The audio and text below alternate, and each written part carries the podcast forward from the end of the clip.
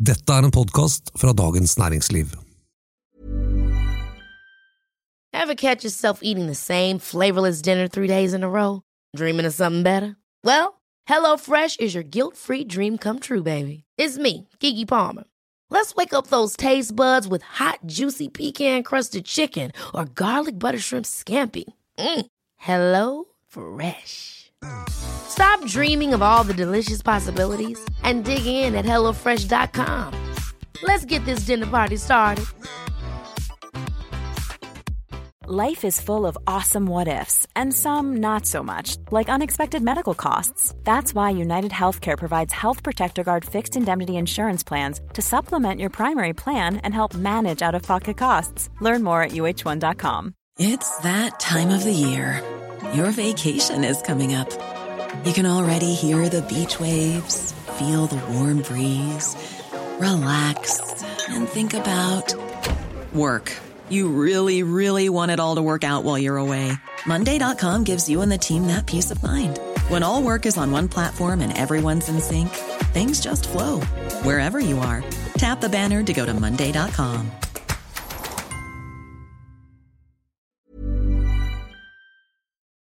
Er Støre-regjeringen rød-grønn eller mer sentrumsgrå? Det vil vise seg i ukene som kommer. Og i Arbeiderpartiet kan vi for første gang på lenge se konturene av en lovende politisk ettervekst. Dette er den politiske situasjonen. Med kommentator Eva Grinde og politisk redaktør Fridtjof Jacobsen. Så er det en podkast fra Dagens Næringsliv. Det er det.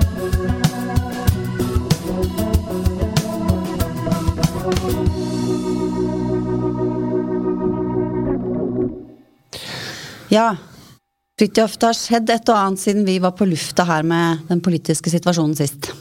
Det må sies.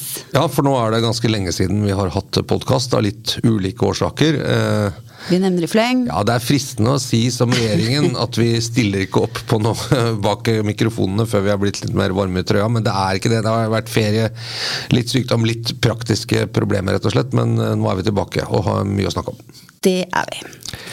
Vi kan jo begynne med det store, største spørsmålene av dem alle. Da. Hva slags regjering er det egentlig vi har fått oss? Ja, Nå, Fridtjof, får du sjansen. ja.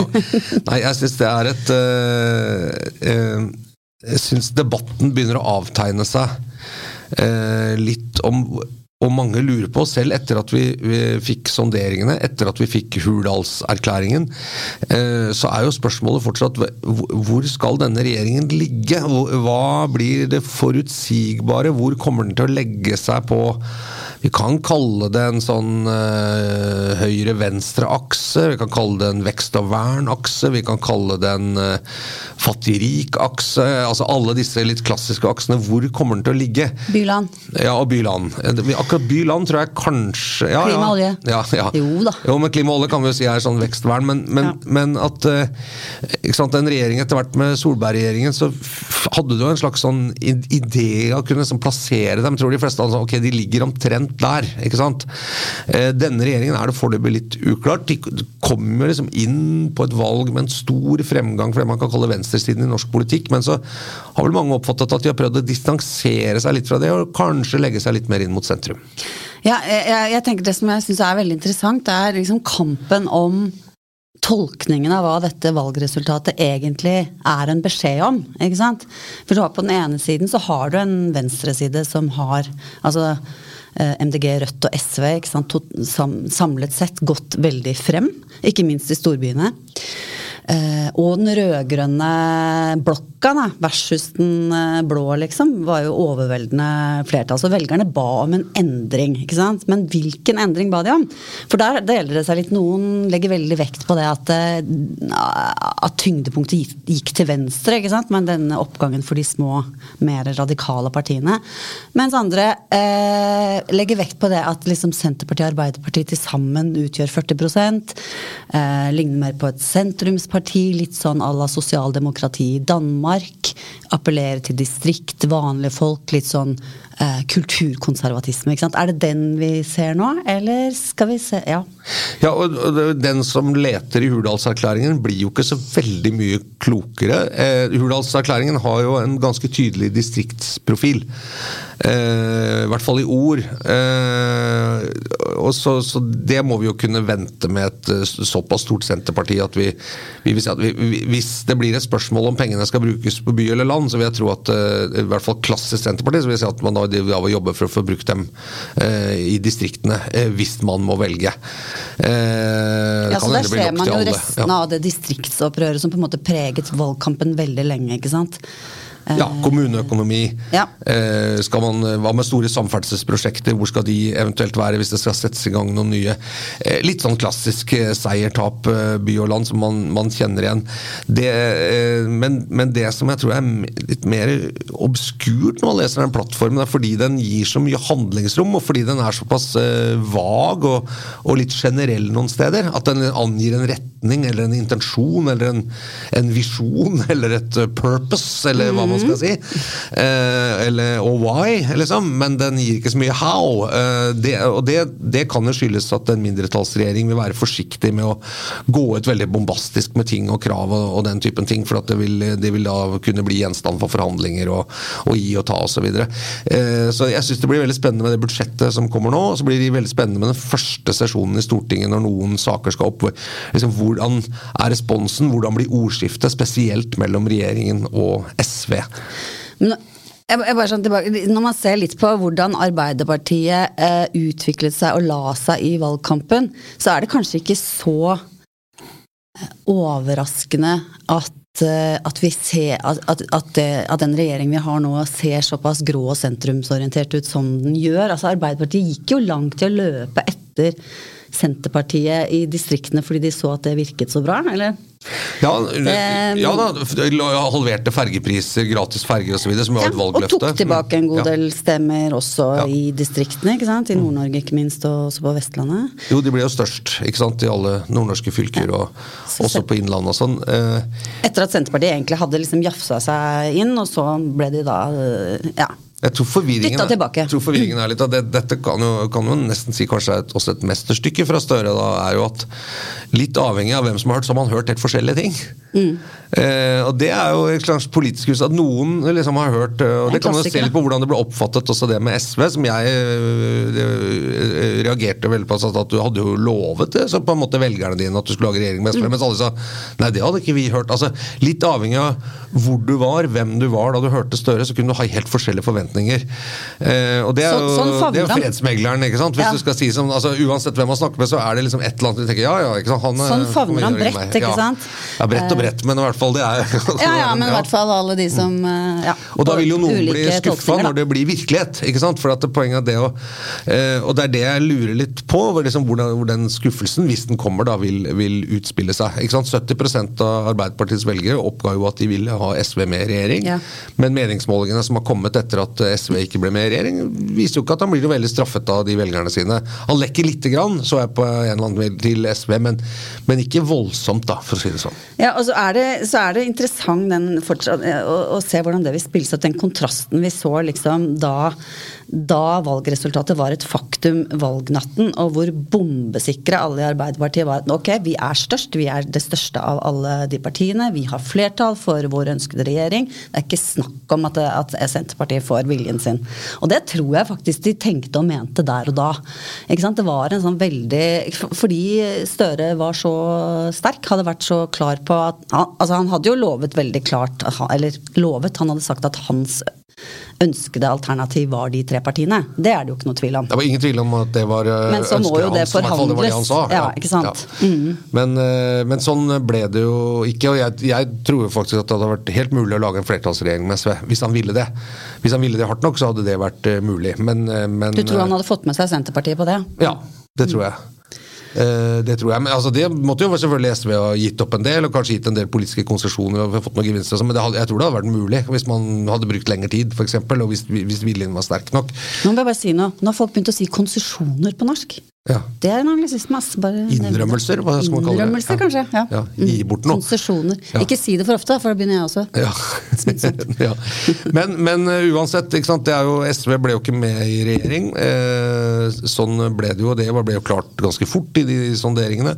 Eh, på under en uke. Men SV går jo ikke bort.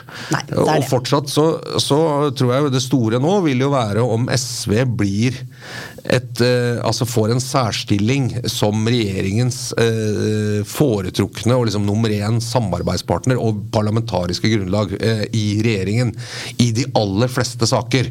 Bortsett fra der hvor man kanskje fristiller og andre ting. Altså at man søker et, et eh, på en måte, om ikke forpliktende, ikke som i Danmark hvor man har avtalt det på papir, eller sånt, men at det er SV som er regjeringens samarbeidsparti i Stortinget i budsjetter og i andre ting, bare dit man går først. Som Ja, Erna gjorde sagt. da med, med, med andre partier. ikke sant? Det har jo Støre-regjeringen sagt, at de vil gå dit først. Men, nei, men SV har jo også vært veldig sånn klare rett ut på, med kommentarer på Hurdalsplattformen om at her kjenner vi jo igjen alt det vi gir brøt for. Eh, her, her er det store forskjeller. Hvis ikke, hvis ikke de kommer oss i møte, så blir det vanskelig. Og det blir jo også vanskelig da i Selv om de er ute av regjeringen, selvfølgelig. For de skal bli enige i Stortinget. Den første lakmustesten her blir vel eller det nye budsjettet da, til den nye regjeringen, som skal legges fram vel i midten av november. Ja, den tilleggsproposisjonen Ja. som heter. Ja. Justeringen av det som Ja. den forrige regjeringen nå la fram for et par uker siden. Og det, og det der er det, ikke sant? Og på SV prøver å si da at eh, vi kan godt være en konstruktiv samarbeidspartner, men vi kan ikke, dere kan ikke liksom søke støtte hos oss på alt dere må ha. Og så, bare liksom droppe oss når det er ting dere ikke må ha oss med på. Altså Hvis vi skal være med og støtte budsjetter, og sånn som eh, så, så, så må vi også på en måte ha en deal om at det, da er det så andre ting hvor vi kan ha innflytelse. Vi må, kan liksom bytte noen eh, ikke konsesjoner, men innrømmelse fra oss, eller nederlag fra oss, i andre typer seire. Altså det, det blir, skal vi ha et etablert forhold, så må det være en sånn gi og ta-situasjon her, innenfor rimelighetens grenser.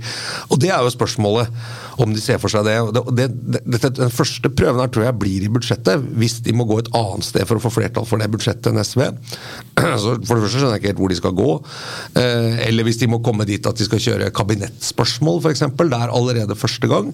Så tror jeg vi har en ganske krevende parlamentarisk situasjon da, eh, for denne regjeringen. Jeg tror de vil gå langt i å prøve å bli enige med SV om det budsjettet, for å på en måte få i stand en slags begynnelse på et eller annet stabilt eh, samarbeid. Det er jo ikke bra for eh, regjeringen heller å se for seg en fremtid hvor de hopper liksom fra den ene blokken til den andre, ene partiet til det andre for å få flertall.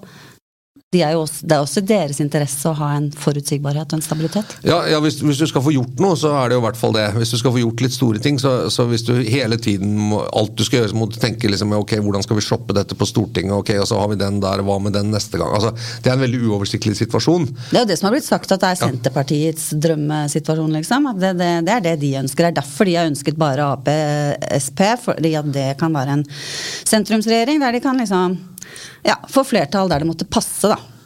Ja, men, I olje og let, oljeleting, sant. Eh, Ja. Og det kan godt hende det er deres vurdering, men jeg, men jeg tror uansett at en regjering som hele tiden må drive og shoppe etter et flertall hos forskjellige folk, og, og sånn, det, det gir mye mindre mulighet til å gjøre større ting og, og få mer sånn styringsro.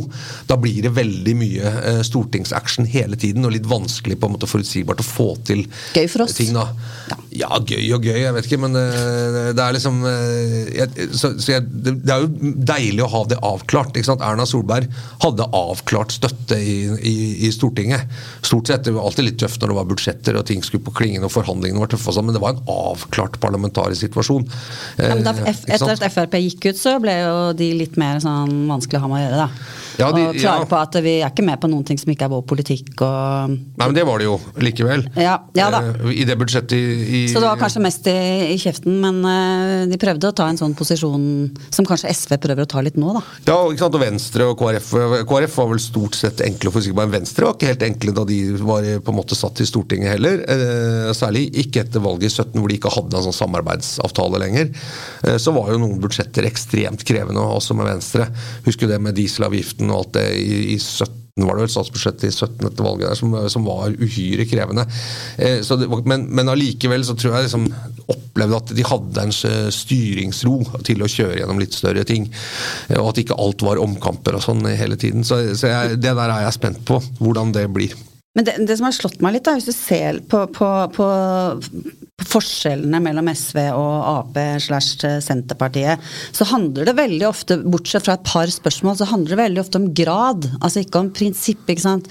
Man ønsker nå å skattlegge de rike hardere, ikke sant. Det vil, det vil regjeringen og det vil SV. SV vil ta i litt mer. Mm. Ikke sant. Innslagspunktet for hvor du skal ha mindre og mer skatt er 750 000 i inntekt hos regjeringen, 600 000 hos SV. Ikke sant? Sånn at uh, alle over 600 000 skal få høyere skatt. Mens uh, der setter uh, Arbeiderpartiet punktet på 750 000, sånn som jeg har skjønt i hvert fall. Ja. Ikke sant? Så det er, det er, sånne gradsspørsmål hele tiden. Og det er jo ikke helt umulig å se for seg at man kan møtes et sted på veien der. Da. For særlig i budsjettet så handler det jo om ting som som kan løses med penger. Ja, det, det, jeg tror Den store nok. forskjellen i skattepolitikken er jo at, at Arbeiderpartiet sier at uh, skatt, det samlede skattenivået skal være mm. som i dag, men det skal omfordeles, sånn at uh, fordelingen, uh, de med mest penger skal betale mer, og de med minst skal betale mindre. Mm. Det er omfordeling innenfor en ramme, mens SV vil, vil ja. øke beskatningen. SV, går, ja. SV, åpner for at den totale beskatningen ja. blir, blir, høyere. Ta inn 10-15 milliarder i skatt. det, det, det har nok antagelig Arbeiderpartiet problemer med å gå med på. Så det, det, må kanskje være mulig å gi dem noe innenfor den rammen om at ja, de, de, har i hvert fall vært veldig tydelige på det, at det totale skattenivået ikke skal opp. Ja, i motsetning til 17, hvor de jo åpnet for 10, 10, ja. 10 milliarder eller noe sånt i ekstra skatt. Og det, det, gikk, gikk så dårlig. Gikk ikke så bra. Det gikk jo ikke i og for seg så det er sikkert veldig, Folk er lei av å høre det, men det gikk jo faktisk enda dårligere oppslutning nå enn det gjorde i, i 17. Men, det gjorde det. men totalen er jo annerledes. Men, men ja, nei, det, jeg tror på, på, skatt kan vi se det. Eh, men jeg, jeg, tror, jeg, tror, ikke det handler så veldig mye om SV på en måte hva, hva de kan påvirke av det som er de primære ting for Arbeiderpartiet. Det er mer hva føler de at de kan få igjen for å være med på ting på andre steder. og, der, og der og det må de stole på. ikke sant? At Hvis vi går om på dette, så skal vi få et eller annet. Ja. Men samtidig, hvis, hvis denne regjeringen eh, og det samarbeidet på rød-grønn side bare blir en seier og tap Hvis alt vi ser på der er sånn 'Å ja, der vant de, og så tapte de', at vi hele tiden skal sitte og måle hvem som kom best og dårlig ut og sånn Hvem vi? Nei, vi som ser på det fra utsiden, som publikum. At ja. alt blir seier og tap. Alt blir målt i seier og tap. Alt blir en slags sånn Senterpartiet vant, SV tapte. Nei, der tapte Senterpartiet, SV vant. Altså, sånn, da, da, er det veldig vanskelig å drive på en måte en rød-grønn politikk, for det krever en eller annen form for felles mål, felles visjon, felles idé om hvor man vil ta samfunnet, hvis det skal bli noe. Hvis det ikke blir det bare småtteri, på en måte. Ja, men det, er, men det ligger jo en, en, Jeg vil si at det ligger en sånn felles hovedidé der med at det handler om altså, Også hvis du ser på SFO, f.eks. Altså gratis SFO der, så vidt jeg har skjønt, regjeringen foreslått delvis. SV vil ha helt tannhelse, ikke sant. Bare noen få. SV mm. vil ha flere. Mm.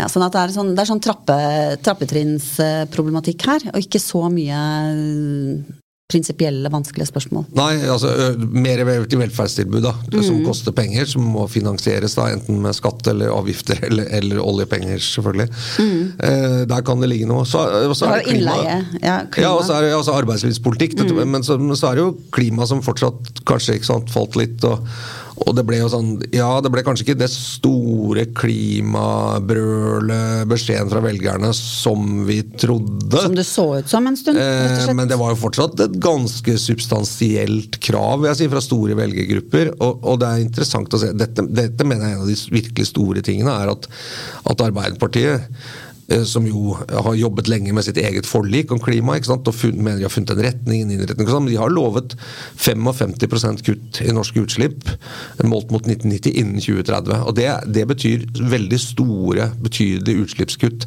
i nesten alle norske bransjer hvert eneste år i disse fire årene. Og hvordan de skal gjøre det, eh, det mener jeg er fortsatt for meg litt vagt. da. Absolutt, og der var det jo litt interessant at, eh, at Høyre eh, onsdag denne uken, så vidt jeg husker, var ute med, med et krav om at eh, klima, en klimamelding må komme eh, før februar eller noe sånt. Nettopp av den grunn. Fordi man ser at målene er jo skyhøye, men det er veldig uklart hvordan man skal nå dem. Så det, og det, det har også vært litt inne på skrevet litt om dette med, med, med at vi antagelig kommer til å se et Høyre som profilerer seg mer og tydeligere på klima. Ja. Venstre kommer også til å gjøre det, tror jeg. Selvfølgelig, Ja. altså, men, de gjør det fra før. Men jeg tenker at Høyre, også i opposisjon, eh, har nå en sjanse liksom, til å ta det rommet med den der litt smågrå regjeringen. Ja. Eh, og det Hvis- ønsker de hvis den også å gjøre. Hvis den blir det. Hvis den blir det. Ja, eh, altså for, for SV og MDG så vil jo alle regjeringer være grå, tror jeg. Altså det, uansett. Men, men, eh, men det, synes, det som jeg bare prøvde å se på hva som står om det i Hurdal, bortsett fra da at løftet om 55% det er et mål, og at Espen Barth Eide, som jo er klimaminister, sa at dette skal vi gjøre med at hver eneste sektor skal liksom få forpliktende planer for kutt og realistiske kuttplaner hvor mye det skal ned i alle sektorer, som man skal jobbe med med alle statsråd og departementer. Så blir jo Den nye næringsministeren Jan Christian Vestre får jo en veldig sentral rolle der. Og så sier de at jo, 50% utslippskutt skal skje på sokkelen, altså i olje- og gassproduksjon, som er den største CO2-utslippskilden vi har. Eh, Så hvis bare de skal redusere bare med 50 så, så eh, betyr det at veldig mye må tas på land. Og, og samtidig som man skal ta mye på land, så, så, og der har fastlandsindustrien har faktisk eh, redusert sine kutt, utslipp ganske betydelig sammenlignet med 1990. Kanskje litt lavere aktivitet, men det er også, også en litt ny måte å drive på. Så, så, så er det, men så er det vanskelig å se hvordan skal få til så store kutt på land uten at det merkes, samtidig som man skal øke eksporten fra norsk fastlandsindustri så betydelig som de legger opp til. For skal du eksportere fra norsk fastland, så, som, som da, hvis ikke det skal være fornybar strøm, da, og de skal ikke bygge flere kabler, så det er ikke så lett å gjøre det, da, da vil du utløse transport, det vil utløse økt aktivitet, som, som i hvert fall per i dag vil bety økte utslipp. For det er, det er vanskelig å bygge helt utslippsfri ny industri i dag, så vidt jeg kan se. Så det, det der er en nøtt, hvordan det der skal gjøres i praksis. Og gjerne også hvilket, sånn, hvilket veikart de har for hvor mye det skal gå ned hvert år. Men det, det veikartet er jeg ikke helt sikker på om vi kommer til å få se. for å si det sånn. Nei, men der, der vil vi gjerne ha en, en nærmere forklaring etter hvert. Kjære regjering. Ja, det, ja, det blir krevende. Ja. Men det blir, og der, der blir det jo en eh, krevende opposisjon i Stortinget også, som kommer til å kreve svar. Altså Dette her er, er og blir eh, de neste årenes aller, aller viktigste og vanskeligste politiske sak. ja, og nettopp fordi den er så vanskelig. Ja. Eh, Fordi den er vond. Særlig i Norge Norge er den vond. Ja, ja. Eller Den er Ja. spesielt vond her i Norge, hvor vi bader rundt i oljemarinaden. Tror du det er aksept i norsk befolkning å velge masse egentlig for å kutte så mye som 55% til 2030? Jeg tror at det er veldig Ja, altså sånn, ja det gjør vi, sier alle. ja, ja, Eh, men tror du egentlig det er det? Problemet er at vi vet jo ikke helt hva det innebærer. ikke sant? Altså Hvis det betyr at jeg må betale skjorta for å kjøre bil, og da har du, aldri, da har du det gående. Da er gule vester på norsk osv. Ja. Muligens. Ja. Nei, men, men det er jo noe med at det er vanskelig å ta stilling til så lenge man ikke helt ser hvordan hva det, vil, hva det vil koste, og hva slags tiltak som faktisk må til for å få det til.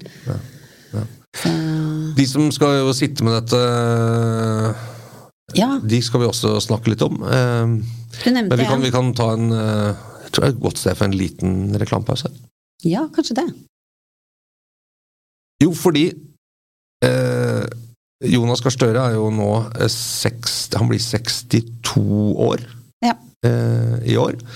I, nei, han blir 62 år til neste år, unnskyld. Eh, jeg skal ta det til han, eh, han er jo født i 1960, så han blir 62 år til neste år. Og Det betyr at i 2030 så vil han være 70, da. Eh, kan jo hende han er statsminister òg, hvem, hvem vet. Men, men det blir jo en ny generasjon i Arbeiderpartiet som, som skal på en måte sitte antageligvis med styringen og, å definere partiet i 2030. Når jeg 2030. eh, utslippskuttregningen skal, og fasiten skal komme. Og den generasjonen Skal han sitte til 2030, tenkte jeg. Men jeg skjønner. ja, alt er mulig. 55 Ja, ja. kutt. Se på Biden, da. ikke sant? Ja, men eh, men eh, ja, ja, ok, det var litt villet, den overgangen der. Men, men du har skrevet om det du mener er en ny generasjon i Arbeiderpartiet, med utgangspunkt i hvordan det regjeringsapparatet ble sammensatt. Ja. Eh, ikke sant? Det- Storyen har jo lenge vært at der liksom styringspartiet Høyre har vært veldig god, på å få opp uh, nye og yngre talenter. ikke sant? Eh, Henrik Asheim, Tina Bru, Sandra Bruflot, ja, diverse. Så har Arbeiderpartiet slitt.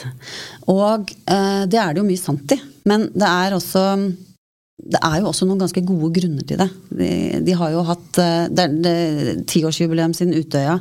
Det er en hel generasjon som ble rammet enten helt brutalt og fysisk, eller indirekte, ikke sant, med psykiske og fysiske ettervirkninger um, av Arbeiderpartitalent. Og det har åpenbart satt store spor. Og så har det preget partiorganisasjonen i den forstand at de har eh, balet med det eh, problemet. Det har vært de er helt åpenbart det vi så i sommer, med den måten de begynte å snakke om Utøya på, så har det vært et problem lenge i Arbeiderpartiet å takle det, den, det traumet. Hvordan skal de snakke om det? Eh, det tror jeg man har luftet litt ut nå. Så det, er mange ting som sammenfaller. ikke sant? Du har ti år siden Utøya, man har begynt å kunne snakke om det på en annen måte. De som var der, er blitt ti år eldre og begynner å nærme seg 30. Eh, og så har du også at endelig kan det se ut som at Giske og metoo-bråket er parkert. Det har jo også ridd det partiet som en mare. Så du har liksom det bakteppet, og så har du da plutselig regjeringsskifte og en masse tomme taburetter som du får lov til å putte dine folk inn i. ikke sant? Så det er liksom blitt en sånn skikkelig oppdrift. Og vi ser det jo helt konkret. Eh, så Støre står på Slottsplassen med tårer i øynene og, og presenterer to Utøya-overlevere i regjering. Og det er jo veldig sterkt symbolsk. Eh, både for Norge og for, ikke minst for partiet. Eh, terroristen fikk ikke viljen sin, knakk ikke Arbeiderpartiet. Vi er tilbake, vi er sterke. Og de to kandidatene er jo supersterke, begge to. Og han ene har vi jo snakket om her, Jan Christian Vestre som eh, er noe så sjelden som en næringslivsleder. Det er ikke ofte vi har i politikken. Ja, og hva man sier, eie familiebedrift.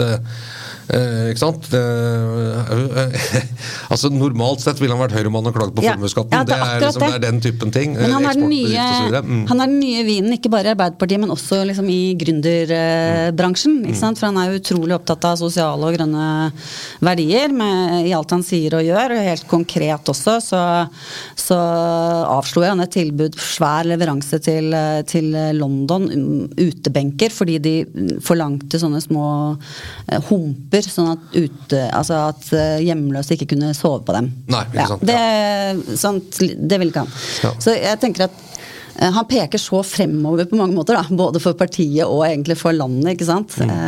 Eh, så det er, han er og en utrolig sterk CV, liksom. Han er 35 ja. år og tjener titalls millioner og ja. Ny fabrikk, nye arbeidsplasser, grønt. altså Dette er jo på en måte det grønne skiftet, arbeid. Dette er jo hele regjeringens eh, på en måte kobling mellom nye arbeidsplasser, industri og det grønne ja. skiftet i én mann. Pluss setter Norge på kartet og eksporterer. Altså, og eksport, ikke halloi. sant. Ja. Det er nesten, det er nesten lagd for han. At, ikke sant?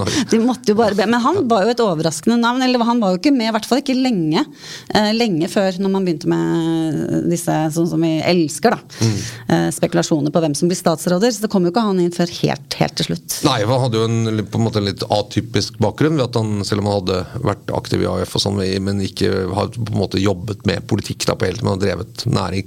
Jeg har hørt han på noen arrangementer av og til snakke og sånn. Han er en utrolig engasjerende øh, fyr. og Eh, og det er veldig spennende å høre om det eh, prosjektet hans, og, og, og Vestre Møbler, og hvordan han tenker og sånn. Det, altså, det, er et eller annet der som er noe mer enn bare sånn grønn, grønne visjoner. Altså, ja. for Det er ganske sånn praktisk, så jeg syns det er ganske interessant. Men om det lar seg omsette liksom, til grønn næringspolitikk uh, i departementet, det gjenstår jo å se, da. Ja. Det, det, ja, absolutt. Det er ikke noe automatikk i det. Men, men du har uansett en person som er en eh, driftig Altså som får til ting, og som er en leder, og som har, har gjort mye i, eh, med suksess i et kort liv. Da. Sånn at ja. det skader jo ikke det. Nei, og, som generelle generiske egenskaper. Ganske utålmodig. ja. og, det, og, jeg syns det er interessant, for, fordi at jeg, jeg synes, altså, akkurat som du sier, man ser at det er, en, eh, det er veldig mange poster som skal fylles av statssekretærer, rådgivere, og så kommer det nye jobb på Stortinget, alt mulig sånn, men så man har Kanskje har Arbeiderpartiet, som du pekte på i valgkampen, vært veldig opptatt eh, av distrikt, ikke sant? og den litt traustere delen av det, selv om det har vært mange unge representanter, relativt unge, som eh, i hvert fall ikke, hvert fall ikke veldig godt voksne, som har, som har vært, hatt fremskutte posisjoner. Men det apparatet som kommer inn nå, er jo så spent på å se hva slags politisk innvirkning de vil ha på hele prosjektet. For at uh, her Og de er det jo litt mer urbane bakgrunner. Her er litt mer profesjonelle bakgrunner fra politikk. altså den type, så det er litt sånn, Hvordan vil de påvirke? Vil de være mer utålmodige f.eks. på klima og sånn, enn det man kanskje kan få inntrykk av i Ja. Og hvordan vil de gå i hop med Senterpartiet? Altså sånn på det personlige politiske plan i det regjeringsarbeidet. Det er veldig spennende å se på. Tenker du på Utøya-generasjonen nå? Altså den, eh, med hermetegn? Eh, altså den, eh, den aldersgruppa med den bakgrunnen? Ja, de som er, mange av de som er nå apparatet, for å si det sånn, kan du sammenligne med Høyres uh, ungdoms ganske unge generasjon, som etter hvert ble liksom uh, kjernetroppene, eller hva man kan kalle liksom mannskapet da, bak statsråden osv., som, som var en ganske sterk generasjon, men som jo utprega seg med at mange av de hadde uh, gode, tette forbindelser til folk i andre partier, både i KrF og Venstre, og også en del i Frp. Altså på litt mer sånn på det daglige plan. Eh, og dette er jo det som Arbeiderpartiet og Senterpartiet og kanskje også SV må skape, ikke sant? for å lage liksom et reelt politisk eh, flertall hvor det utvikles politikk og tanker og man forstår hverandre. og sånn. Da må man jo faktisk kjenne hverandre, på en måte. ikke sant? Ja, nå skled litt unna. Man må bare få nevnt selvfølgelig Tonje Brenna også, da, som kunnskapsminister. Som, eh, som en av de store, sterke, unge navnene eh, fra, fra Utøya-generasjonen, hun også. Um, både hun og Vestre blir jo nevnt som liksom mm, folk vi skal se og høre mer til, helt sikkert, og som kan nå helt til topps. I tillegg eh, gjelder det Ina Libak, tidligere AUF-leder, som jo er ute av politikken nå, men det er store forhåpninger knyttet til at hun kommer tilbake, og store håp til at hennes ja, at hun, hun vil det gjerne ha til, jeg har i hvert fall hørt fra flere. Jeg satser på at hun eh, kommer tilbake til Arbeiderpartiet og er en av de eh, fremtidens topper der. Mulig statsråd en eller annen gang i løpet av denne perioden, tror du? Det kan vel er ikke helt utenkelig. Og så ser man jo at, eh, at eh, Støre har plukket i hvert fall to politiske rådgivere og en statssekretær fra, som, var, som er Utøya-overlevere. Eh, Det finnes selvfølgelig også, vi må jo nevne det, det er jo mange unge, unge nykommere, ny vin, som, som ikke nødvendigvis var der eller var i AUF. Det er mulig å komme seg opp og fram i Arbeiderpartiet uten det også, men, men det, det har en veldig sånn eh, sterk verdi, det som, eh, det som skjer nå. At vi ser de komme opp og inn i posisjon, så det er veldig spennende å følge med på. Ja. Endringen av dette partiet, som endelig ser ut som de kan få litt oppdrift og litt sånn ny, ny vind i seilene. Ja. Ja, det har jo ikke vært, eh, har ikke vært så gøy å være Arbeiderpartiet de siste, siste åtte årene. Men eh, vil altså legge til, det er liksom ikke bare å sette dem inn i posisjon heller, for partiet er jo kjent for å være ikke så grei hvis det begynner å blåse. Altså Det er mye spisse albuer, og den kan jo ligge latent, den litt ugreie kulturen det partiet har slitt med. Ja, det er, eh, det er jo et tøft, tøft parti, da, hvor det selv om det nå er mange verv og poster og innflytelse til fordeling, så er det fortsatt kamp om det meste. Så, men, Og det kan eh, blusse opp igjen, tenker jeg. Altså Ikke nødvendigvis liksom Giske-fløyene og sånn. Jeg har et inntrykk av at i hvert fall så er det veldig stor vilje i Arbeiderpartiet nå til å si at nei, det, sånn er det ikke lenger. Eh, om, det, om det er helt riktig eller ikke, jeg tror politiske partier som jeg kjenner i hvert fall, er jo ikke harmoniske, og det er, jeg tror ikke de heller skal være det. For at, fordi at det er en eh, det er på en måte en pågående kamp, og det er person, interesser, makt, altså sånne ting. Så, så det ligger litt i Men det er et lederansvar å passe på at det Eh, Men det må kommer ikke gå ut noen av etter. kontroll. ikke sant? Poenget er at det kan være eh, positivt og det kan være til å håndterbart, men det hvis, det, hvis det går over i det destruktive, eh, så, så blir det jo krevende. Nå, politikere, De som engasjerer seg politisk, er ikke så veldig redd for fight. De er ikke så redd for å ha politiske motstandere eller fiender. Det er, det er som, de er mye mindre redd for konflikt enn de aller fleste av oss. Ja. Ja, det er enig og det er jo det som er tradisjonen. Men jeg tror også at et, et parti som ønsker å vokse og ha suksess, eh, tjener på å tenke litt sånn tradisjonell ledelse også. Altså Det er jo noe av det som Erna Solberg har blitt berømmet for.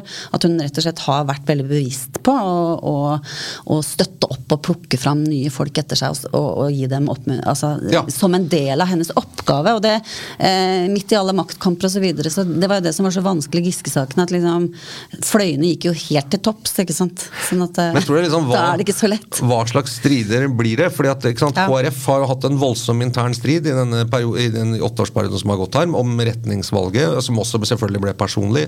Venstre har jo hatt veldig store interne problemer mellom folk. Eh, kanskje ikke så mye politisk, men litt det òg. Eh, særlig i, i, i, 2013, om de skulle gå i regjering eller ikke. Eh, I Frp har du hatt en ganske kraftig fløy eh, som har vært mot regjeringsfløyen ikke sant? og gått ut av regjeringa. Så, så, så du har jo hatt veldig mye sånn i SV. Koker det også litt rundt posisjoner og forskjellige ting, og by og land og en del sånne ting. Så, så jeg tror det er ganske naturlig, men vi reflekterer ikke over det først når det liksom spinner ut over det normale at det kanskje blir et problem, tenker jeg da. Høyre er kanskje litt unntaket, for det har tilsynelatende vært så harmonisk. Eventuelt så har det vært et slags eh, hva skal man si, lykkelig diktatur der lederen bestemmer alt. Det kan hende det har Ja, vært ja, ja. Altså, en leder som er sterk nok og har god nok tillit, vil jo også få det rommet på en annen måte. ikke Mm. sant? Men, da, men det å være sterk og ha stor tillit, eh, det bygger jo også på noe. Da gjør du jo som regel noe bra, da, med mindre du er ren despot. Og Ja, men man så jo sender elektriske støt når folk sier deg imot og sånn. Nei, nei, nei, hun har jo Noen mener at hun drev med det også før, men hun kan jo være ganske tøff. Men, men du så jo kanskje også i valget ikke sant, at uh, politikkutviklingen, budskapet i valgkampen fra uh, lyktes ikke. Og det, var, og det var kanskje litt for mye knyttet til henne, så partiet falt jo kraftig.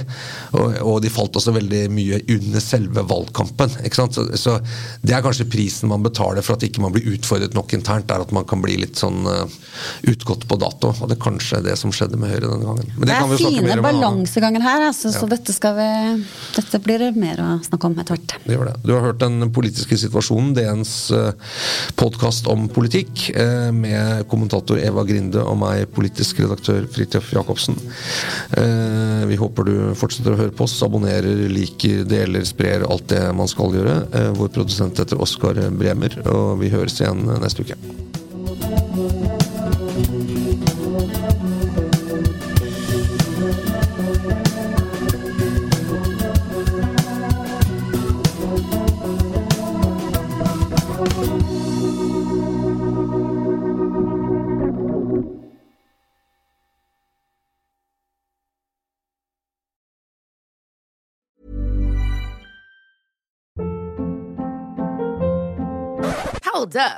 Was that? Boring. No flavor. That was as bad as those leftovers you ate all week. Kiki Palmer here, and it's time to say hello to something fresh and guilt-free. Hello Fresh. Jazz up dinner with pecan-crusted chicken or garlic butter shrimp scampi. Now that's music to my mouth. Hello Fresh. Let's get this dinner party started. Discover all the delicious possibilities at hellofresh.com.